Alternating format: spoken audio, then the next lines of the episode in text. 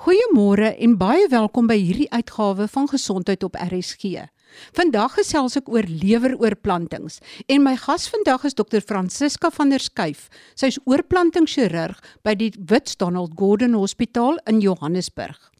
Het jy geweet dat vandag terwyl jy luister, wag daar byna 50 babas, kinders op 'n leweroorplanting? Ja, dit is hoe groot die tekort aan skenkerlewers is. Daar word leweroorplantings gedoen vanaf skenkers wat gesterf het as ook van lewende skenkers waar 'n stukkie van die lewer oorgeplant word. Kom ons vind meer uit oor leweroorplantings. Dokter van der Schuyf, is die leweroorplantingsentrum by die Wits Donald Gordon Hospitaal een van slegs enkeles in die land wat op 'n gereelde basis leweroorplantings doen. Hi Marie, ja, dit is korrek. Ons is een van slegs 2 leweroorplantingssentrums in Suid-Afrika en dan die enigste een in Sub-Sahariese Afrika wat lewende skenker leweroorplantings kan doen.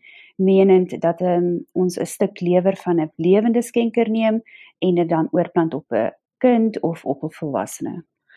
Hoe groot is die behoefte aan skenkerlewers en is die tekort aan skenkerlewers die rede waarom jy julle wend na lewende skenkers toe? Ons het altyd 'n tekort aan soliede organe, maar verseker ehm um, sal soos wat die huidige stand van sake is wêreldwyd is daar 'n verskil tussen die hoeveelheid organe wat benodig word ten opsigte van die waglys en mense wat een nodig het. En daai verskil kom wêreldwyd voor. Daar's nie een land in die wêreld wat genoeg organe het vir hulle behoeftes nie. In ons land is dit spesifiek 'n groot probleem. Ons skenkersyfers is is geweldig laag, van die laagste in die wêreld. Ons is selfs laer as as meeste van die Suid-Amerikaanse lande. En soos jy sê, dit het presies daartoe gelei dat ons lewende skenkers moet gebruik. Mense sou natuurlik kies om skenkers te gebruik wat gesterf het omdat 'n lewende skenker 'n risiko aangaan om self 'n operasie te ondergaan. Die risiko is laag, maar dit bly 'n risiko. Hoe suksesvol is leweroorplantings?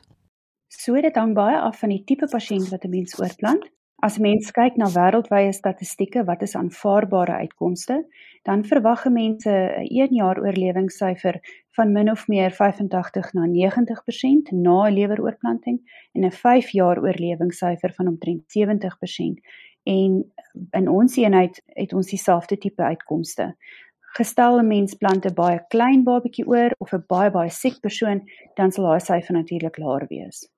Ek is bewus daarvan dat so klompe jare gelede as 'n mens na die grafieke kyk van iemand wat na 'n hartoortplanting oorleef versus die persone wat na 'n leweroortplanting oorleef, het dit gelyk dat as iemand na 'n leweroortplanting die eerste jaar goed oorleef, sy kans om 5 in 10 jaar te lewe eintlik baie goed is. Is dit steeds die geval na leweroorplanting of het dit verander? Nee, Marie, dit is dieselfde. Die eerste jaar bly die gevaarlikste. Dit het meestal te maak met die feit dat meeste van jou chirurgiese komplikasies te voorskyn sou kom in die eerste jaar en dan natuurlik is die pasiënt op hoë doserings immuunonderdrukking heel aan die begin en dit um, is natuurlik 'n risiko vir infeksies. So 'n groot ding wat mortaliteit veroorsaak in leweroorplantings en enige oorplantings eintlik is maar sepsis. En wanneer 'n mens aan die begin op die hoë doserings immuunonderdrukking is, dan het jy hoër risiko's vir daai lewensgevaarlike infeksies en dit plat heelwat af na die eerste jaar. Dit is baie goeie nuus. Dokter van der Schuyf, is die meeste van julle pasiënte kinders of volwassenes? Ek sou sê omtrent 50% kinders, menende 'n kind in ons eenheid beskou ons is enigiemand onder die ouderdom van 16 jaar um, en 50% is ouer as dit. Binne die pediatriese populasie is die meerderheid kinders onder 5. So die standaard pediatriese pasiënt wat ons oorplant is min of meer tussen die ouderdom van 2 en 3 jaar oud as gevolg van die geboorte siektes waarmee kinders gebore word. Die volwassenes plant ons dan oor van is natuurlik die ouderdomsgaping van 16 alipad op tot op 'n ou ouderdom afhangend of die pasiënt sal, nog sal baat by 'n leweroorplanting. Daar's nie 'n absolute uh, punt waar ons sê nee, 'n pasiënt is te oud nie. In die geval van kinders, is die lewerskade weens 'n aangebore siekte of is dit 'n siekte wat die kind eers na geboorte tref? So die algemeenste oorsaak vir lewerversaking in kinders is 'n siekte genaamd biliêre atresie en dit is 'n kongenitale defek waar die baba gebore word sonder galwee of sonder genoeg galwee om ontslae te raak van al die soos ons sê gal of bile acids in Engels. Drie kinders is totaal normaal by geboorte, maar hulle bly geelsigtig van geboorte af wat nooit weggaan nie. En dan hier by die ouderdom van 6 maande dan begin dit duidelik raak dat die kind 'n lewerversaking is. En biliêre atresie is die nommer 1 rede vir kinders wat 'n leweroorplanting nodig het, maar dan moet ons ook onthou daar is natuurlik die oordoserings van gifstowwe wat kan lei tot lewerversaking in kinders, vernaamd ehm um, parasetamol uh, of benade oordosering. Jy sien ons gereeld en dan sekere infeksies soos hepatitis A of sekere van die virusse gewone ehm um, diarree veroorsaak en ook lewerversaking veroorsaak en dis die groot redes vir oorplanting in ons land. Dink jy die publiek is bewus genoeg daarvan dat oordosering met benado parasetamol tot permanente lewerskade in 'n kind kan lei? En is daar ander middels wat mens dalk onbewus van is wat soveel skade aan die lewer van 'n kind kan veroorsaak. Benado of parasetamol is die veiligste middel om te gee vir 'n kind wat koors en infeksies het tot op 'n sekere dosering. En dis die belangrike punt. Mense moet baie versigtig lees wat is 'n veilige dosering vir die gewig van jou kind. Daar is nie ander middels beskikbaar wat werklik so veilig is soos Spinado nie. Ons noem dit die pediatrician's choice en dit is, maar solank 'n mens binne die veilige dosering hou. Wat ook soms gebeur is dat parasetamol kom voor in verskeie koorsmedikasies en ouers besef nie dat jy eintlik vir jou kind herhaaldelike doserings van die parasetamol gee nie. So mens moet noukeurig net dop kyk op die op die pakket insetsel wat presies is in daardie medikasie. Dit is gebeur nie baie nie, maar ons het 'n hele paar kinders al oorgeplant vir parasetamol oordosering. Wat ander medikasies aanbetref, niks wat algemeen voorkom nie, behalwe natuurlik die kruie of die alternatiewe medisyne. Um, ons het elke nou en dan 'n kind wat 'n uh, konkoksie voorgegee is waar die ouers nie weet wat daarin is nie. Daar is geen alternatiewe medikasie wat veilig is vir kinders of volwassenes wat nie uh, formeel getoets is vir hulle effekte nie. So dit is die twee groot dinge. En terloops, ouers moet ook kennis neem dat 'n baba liefs nie aspirine moet inkry nie. Absoluut ja, daar's 'n klein proporsie kinders wat um, in lewerversaking gaan nadat hulle aspirien ontvang het. Ons noem dit Reis syndroom en die lewerversaking vorm deel van 'n hele ander sindroom of 'n kompleks orgaanversakings wat voorkom, maar verseker aspirien is nie veilig vir kinders nie. Watter virale infeksies kan ook lewerskade in 'n kind veroorsaak? Dinge soos hepatitis A of enige van die soorte virus wat diarree kan veroorsaak, maagkieme kan in sekere kinders ook lewerversaking veroorsaak. Net interessantheidshalwe, die heel eerste storie wat ek as 'n mediese joernalis gedoen het, was oor 'n tiener wat heeltemal te veel parasetamol ingeneem het, waarskynlik in 'n selfdoodpoging en sy het permanente en geweldige lewerskade opgedoen en toe wel gesterf. Wat net toon dat doserings van enige middel baie belangrik is en dat selfs 'n veilige middel soos parasetamol in te hoë doses baie gevaarlik kan wees, lewensgevaarlik. Haar lewe sou waarskynlik gered gewees het deur 'n lewerplanting betyds. Ek gesels nou verder met Dr Francisca van der Skuyf, oorplantingchirurg by die Wits Donald Gordon Hospitaal en ons gesels nou verder oor leweroorplantings. Ons fokus in hierdie deel op lewerversaking of lewerprobleme in volwassenes wat 'n leweroorplanting benodig. Dokter van der Skuyf, wat is die grootste oorsake dat 'n volwassene 'n leweroorplanting benodig?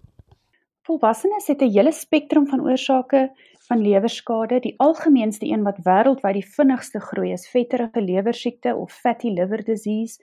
Dit kom voor in pasiënte wat oorgewig is of wat diabetes is waar die lewer nie kan cope as ek kan sê of die hoeveelheid vet in die bloedstroom kan verwerk en die hoeveelheid glikose en voedingsstowwe in die bloedstroom kan verwerk en dan kry jy vetregulewer siekte. So wêreldwyd is dit die vinnigste groeiende oorsaak van lewer permanente lewerskade. Dan natuurlik alkoholverbruik is 'n groot probleem in ons land ook wêreldwyd. Uh mense drink veel meer as wat hulle dink en 'n mens moet gaan kyk wat is veilige vlakke van alkoholinname.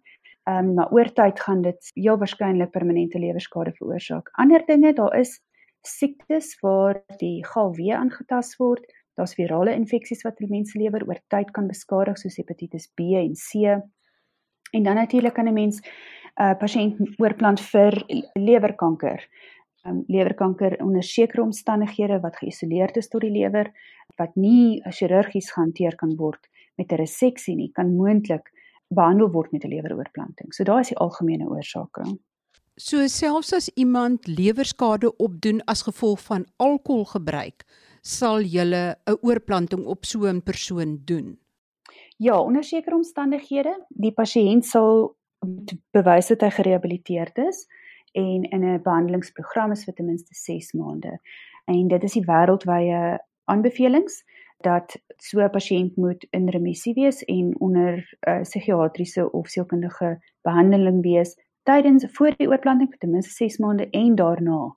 En ek moet sê dat daardie pasiënt doen baie goed en min van hulle keer terug na gebruik van alkohol as hulle daai tweede kans gekry het. Dit is baie bemoedigende nuus. In die geval van lewerkanker moet dit dan net beperk wees tot die lewer self dit mag nog nie versprei gewees na ander organe nie. Wat belangrik is daar is dat 'n mens wil doodseker maak dat wanneer jy vir die pasiënt 'n nuwe lewer insit dat daardie lewerkanker nie reeds mikro versprei is na ander dele van die liggaam nie. En dit dus gaan weer terugkom as verspreiding na die oorplanting nie. So wanneer 'n pasiënt 'n baie groot tumor het of dit wel baie diffuus is en as 'n klomp tumor massa, dan is daar dis 'n kans dat daar versprei reeds kan wees waarvan 'n mens nie bewus is nie. So nee, dit hoef nie beperk te wees tot 'n sekere deel nie, maar 'n mens moet na die gedrag van die tumor kyk en seker maak dat jou kans op verspreiding na die oorplanting baie laag is.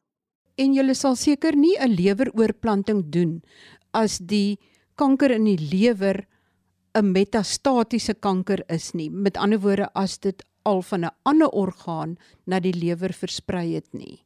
Of is selfs dit ook 'n moontlikheid. Die enigste kanker waarvoor ons oorplant vir metastase is kolonkanker. Kolonkanker wat net na die lewer toe versprei het waar die kolonkanker reeds hanteer is en in remissie is en slegs die tumor in die lewer agtergebly het, is 'n potensiële kandidaat vir 'n leweroorplanting onder streng omstandighede. Uh, dit word gedoen in ons eenheid. By die Tygerberg Hospitaal doen hulle die volgende operasie as iemand kolonkanker het en dit het versprei na die lewer, maar dit is in 'n klein beperkte deel van die lewer. Dan bind hulle die bloedvoorsiening na die beskadigde deel af sodat die gesonde deel sodat die gesonde deel van die lewer dink hy te min lewerselle hy vervaardig meer lewerselle sodat die oorblywende deel in staat is om die volle lewerfunksie te verrig en sodra daar dan genoeg lewervolume is en lewerselle is om al die werk te doen verwyder hulle die geaffekteerde deel van die lewer. Doen julle ook in die geval van kolonkanker wat versprei het na die lewer ook so tipe operasie? Ja, so ons sal al daardie mates neem voordat ons op oorleweroorplanting besluit. So alle chirurgiese opsies word geondersoek voordat ons die pasiënt lys vir 'n lewer en daardie pasiënt moet ook bestraling en chemoterapie ondergaan voordat hulle 'n kandidaat word vir 'n leweroorplanting. So alle hepatobiliêre chirurgie wat wat 'n redelike oorweging is om die pasiënt te genees word aangewend voordat hulle op die lys verskyn. Dit is darm goeie nuus dat pasiënte wat kolonkanker het, wat reeds versprei het na die lewer en dis beperk tot 'n klein deel van die lewer, wel nou 'n goeie kans het op 'n tweede lewe. daar is internasionale riglyne rondom uh verspreide kolorektale kanker na die lewer toe en as jy streng in die reëls bly, doen daardie pasiënte baie goed. Hulle kans op oorlewing op 1 jaar moet meer wees as 60% vir jou om 'n lewer vir 'n pasiënt aan te bied. Eties. 'n Mens moet onthou dat lewers is skaars en 'n mens moet dit vir die regte persoon gee wat die beste uitkoms gaan kry daardie lewer. So mens moet dit gee vir 'n pasiënt wat 'n redelike goeie kans het op 'n kwaliteit van lewe. Dokter van der Skuyf, dan kyk ons na die oorplanting self. En ons moet begin by die skenkers. In watter persentasie van gevalle doen julle oorplanting van 'n lewende skenker en in watter persentasie doen julle oorplanting van 'n oorlede skenker wat breindood is? Op hierdie stadium in ons eenheid, ehm um, hang dit af of jy 'n kind of 'n volwassene is. Die meeste van ons volwassenes ondergaan 'n uh, leweroorplanting van 'n uh, gesterwe skenker met ek sou sê op hierdie stadium 'n uh, 20% of 30% van hulle wat lewende skenkers het. In die kinders is dit andersom. Die oorgrootste meerderheid kinders ondergaan 'n lewende skenker leweroorplanting en 'n baie klein proporsie kry lewers van ehm um, gesterwe mense. Die die probleem met kinders is dat ons het feitelik geen pediatriese skenkers nie. Ehm uh, mense, dokters, families gee eenvoudig net nie toestemming dat 'n mens organe gebruik van kinders nie. Hoekom dit so is, sal ek nie weet nie. Ek vermoed dit het meestal te doen met die bewusmaking dagter. Ehm um, ek dink mense is net nie bewus daarvan van die behoefte na kinderorgane nie. Maar die syfer van kinderskenkers is geweldig laag in ons land. As ek 1 of 2 kinders 'n jaar wat organe skenk het, is dit baie wanneer 'n kind 'n orgaan nodig het, sal hy moet staatmaak op 'n hy of sy is moet staatmaak op 'n lewende skenker of 'n mens sal dan 'n volwasse orgaan moet vat en dit kleiner sny om te laat pas binne 'n kind se liggaam. En dit is die rede vir daardie syfers. Dit is ook die tragiese omstandighede wat geld vir kinders wat wag op 'n hartoorplanting. En baie sterf voordat 'n geskikte skenker hart beskikbaar kom. En anders as lewers kan mens nie 'n deel van 'n lewende mens se hart gebruik om die kind te help nie. Baie baie kinders sterf weens die geweldige tekort aan skenkerorgane. Maar dit is nie dat die orgaan nie daar buite is nie. Daar is skenkers. Ons sterftesyfer vir of vir trauma, motorongelukke en verskeie ander siektes waar daar baie kere geskikte skenker as 'n resultaat is, is gereeld. So dis nie dat Suid-Afrika nie potensiële skenkers het nie. Hulle word eenvoudig net nie verwys vir orgaanskenking nie. Die familie kry nie die kans om daardie besluit te neem vir hulle self nie. En is daardie bewusmaking wat so belangrik is. Dis onder dokters waar daardie bewusmaking bewerkstellig moet word. Dit is inderdaad die dokter wat na die pasiënt kyk, die pasiëntjie wat dan breindood verklaar word wat daardie eerste stap moet neem om die oorplantingskoördineerder te kontak sodat die oorplantingskoördineerder en die span die saak verder kan voer en met die ouers en die familielede kan praat oor die moontlikheid van 'n orgaanskenking. Maar baie dokters laat eintlik deur die gebrek aan hulle optrede baie pasiëntjies baie pasiënte wat wag op 'n orgaanoorplanting in die steek. Dis presies so. En die fout wat baie keer gemaak word is dat die dokter self dit op hom of haarself neem om met die familie te praat oor orgaanskenking wat 'n fout is. 'n Professionele persoon van die oorplantingsspan moet daardie gesprek hê met die familie. Wanneer dit die dokter wat daardie pasiënt behandel self praat met die familie, dan is daar uh, verwarring onder die familie. Hoekom sal die dokter wat my nou net my geliefde gehelp het, nou skielik praat van organe uithaal? Is daar nie iets snaaks hier aan die gang nie? So dokter self moenie daardie gesprek hê nie, maar hulle moet wel die oorplantingsspan mee in kontak tree dat die regte persoon by die familie uitkom. En dis 'n baie belangrike punt. Dit is baie belangrik dat die twee spanne geskei word. Die eerste span is die dokter of die dokters wat probeer om die pasiënt te red en dan as die pasiënt breindood is en die lewe nie meer redbaar is nie.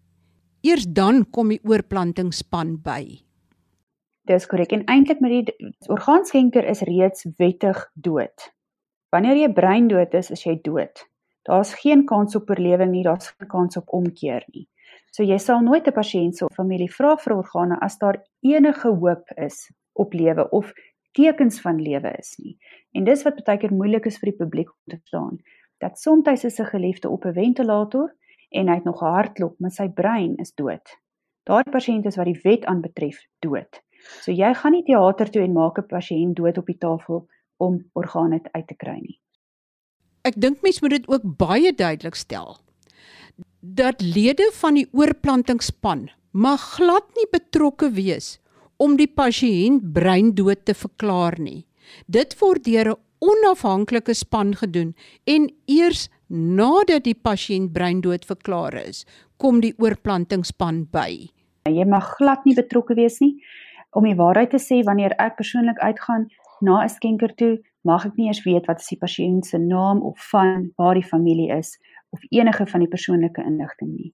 Dit is die besluit dat die pasiënt gesterf het en breindood is daardie besluit lê 100% by die dokter wat oorspronklik die pasiënt behandel het. Hoe lank nadat die lewer van 'n skenker verwyder is, moet dit weer oorgeplant word in die ontvanger? Is die tydperk wat die lewer iskemies is, buite die liggaam is, is daardie tyd beperk of is dit onbeperk? In die geval van 'n hart moet dit baie vinnig geskied, maar is dit ook so in die geval van die lewer of is die tyd onbeperk? Dis ongelukkig nie onbeperk nie en dit sit natuurlik druk op die stelsel en druk op die span om die orgaan uh, oorgeplant te kry binne 'n sekere tydperk. Elke orgaan het 'n uh, verskillende hoeveelheid tyd wat hy sonder bloed toevoer kan wees. Die kruks van die saak is wanneer jy daardie orgaan uithaal uit die skenker uit, is staak bloed toevoer en suurstof aflewering ons vertraag die skade aan die orgaan deur hom op ys te sit en hom deur hom uit te was met sekere vloeistowwe wat die selle beskerm. Maar dan begin die horlosie tik vir elke orgaan. Vir hart is dit die kortste, tussen 4 en 6 ure, moet hy dan weer bloed toevoer en suurstof ontvang binne in die ontvanger. Vir longe is dit bietjie langer, 6 tot 8 ure, vir lewer 10 tot 12 ure. Vir 'n nier is die langste tot 24 36 ure, maar 'n mens moet onthou hoe langer hy op die ys is, hoe meer gaan hy sukkel om aan die werk te kom. So hoe vinniger jy daardie orgaan oorplant, hoe beter. Baie dankie aan my gas, Dr. Francisca van der Schuyf, oorplantingschirurg by die Wits Donald Gordon Hospitaal in Johannesburg.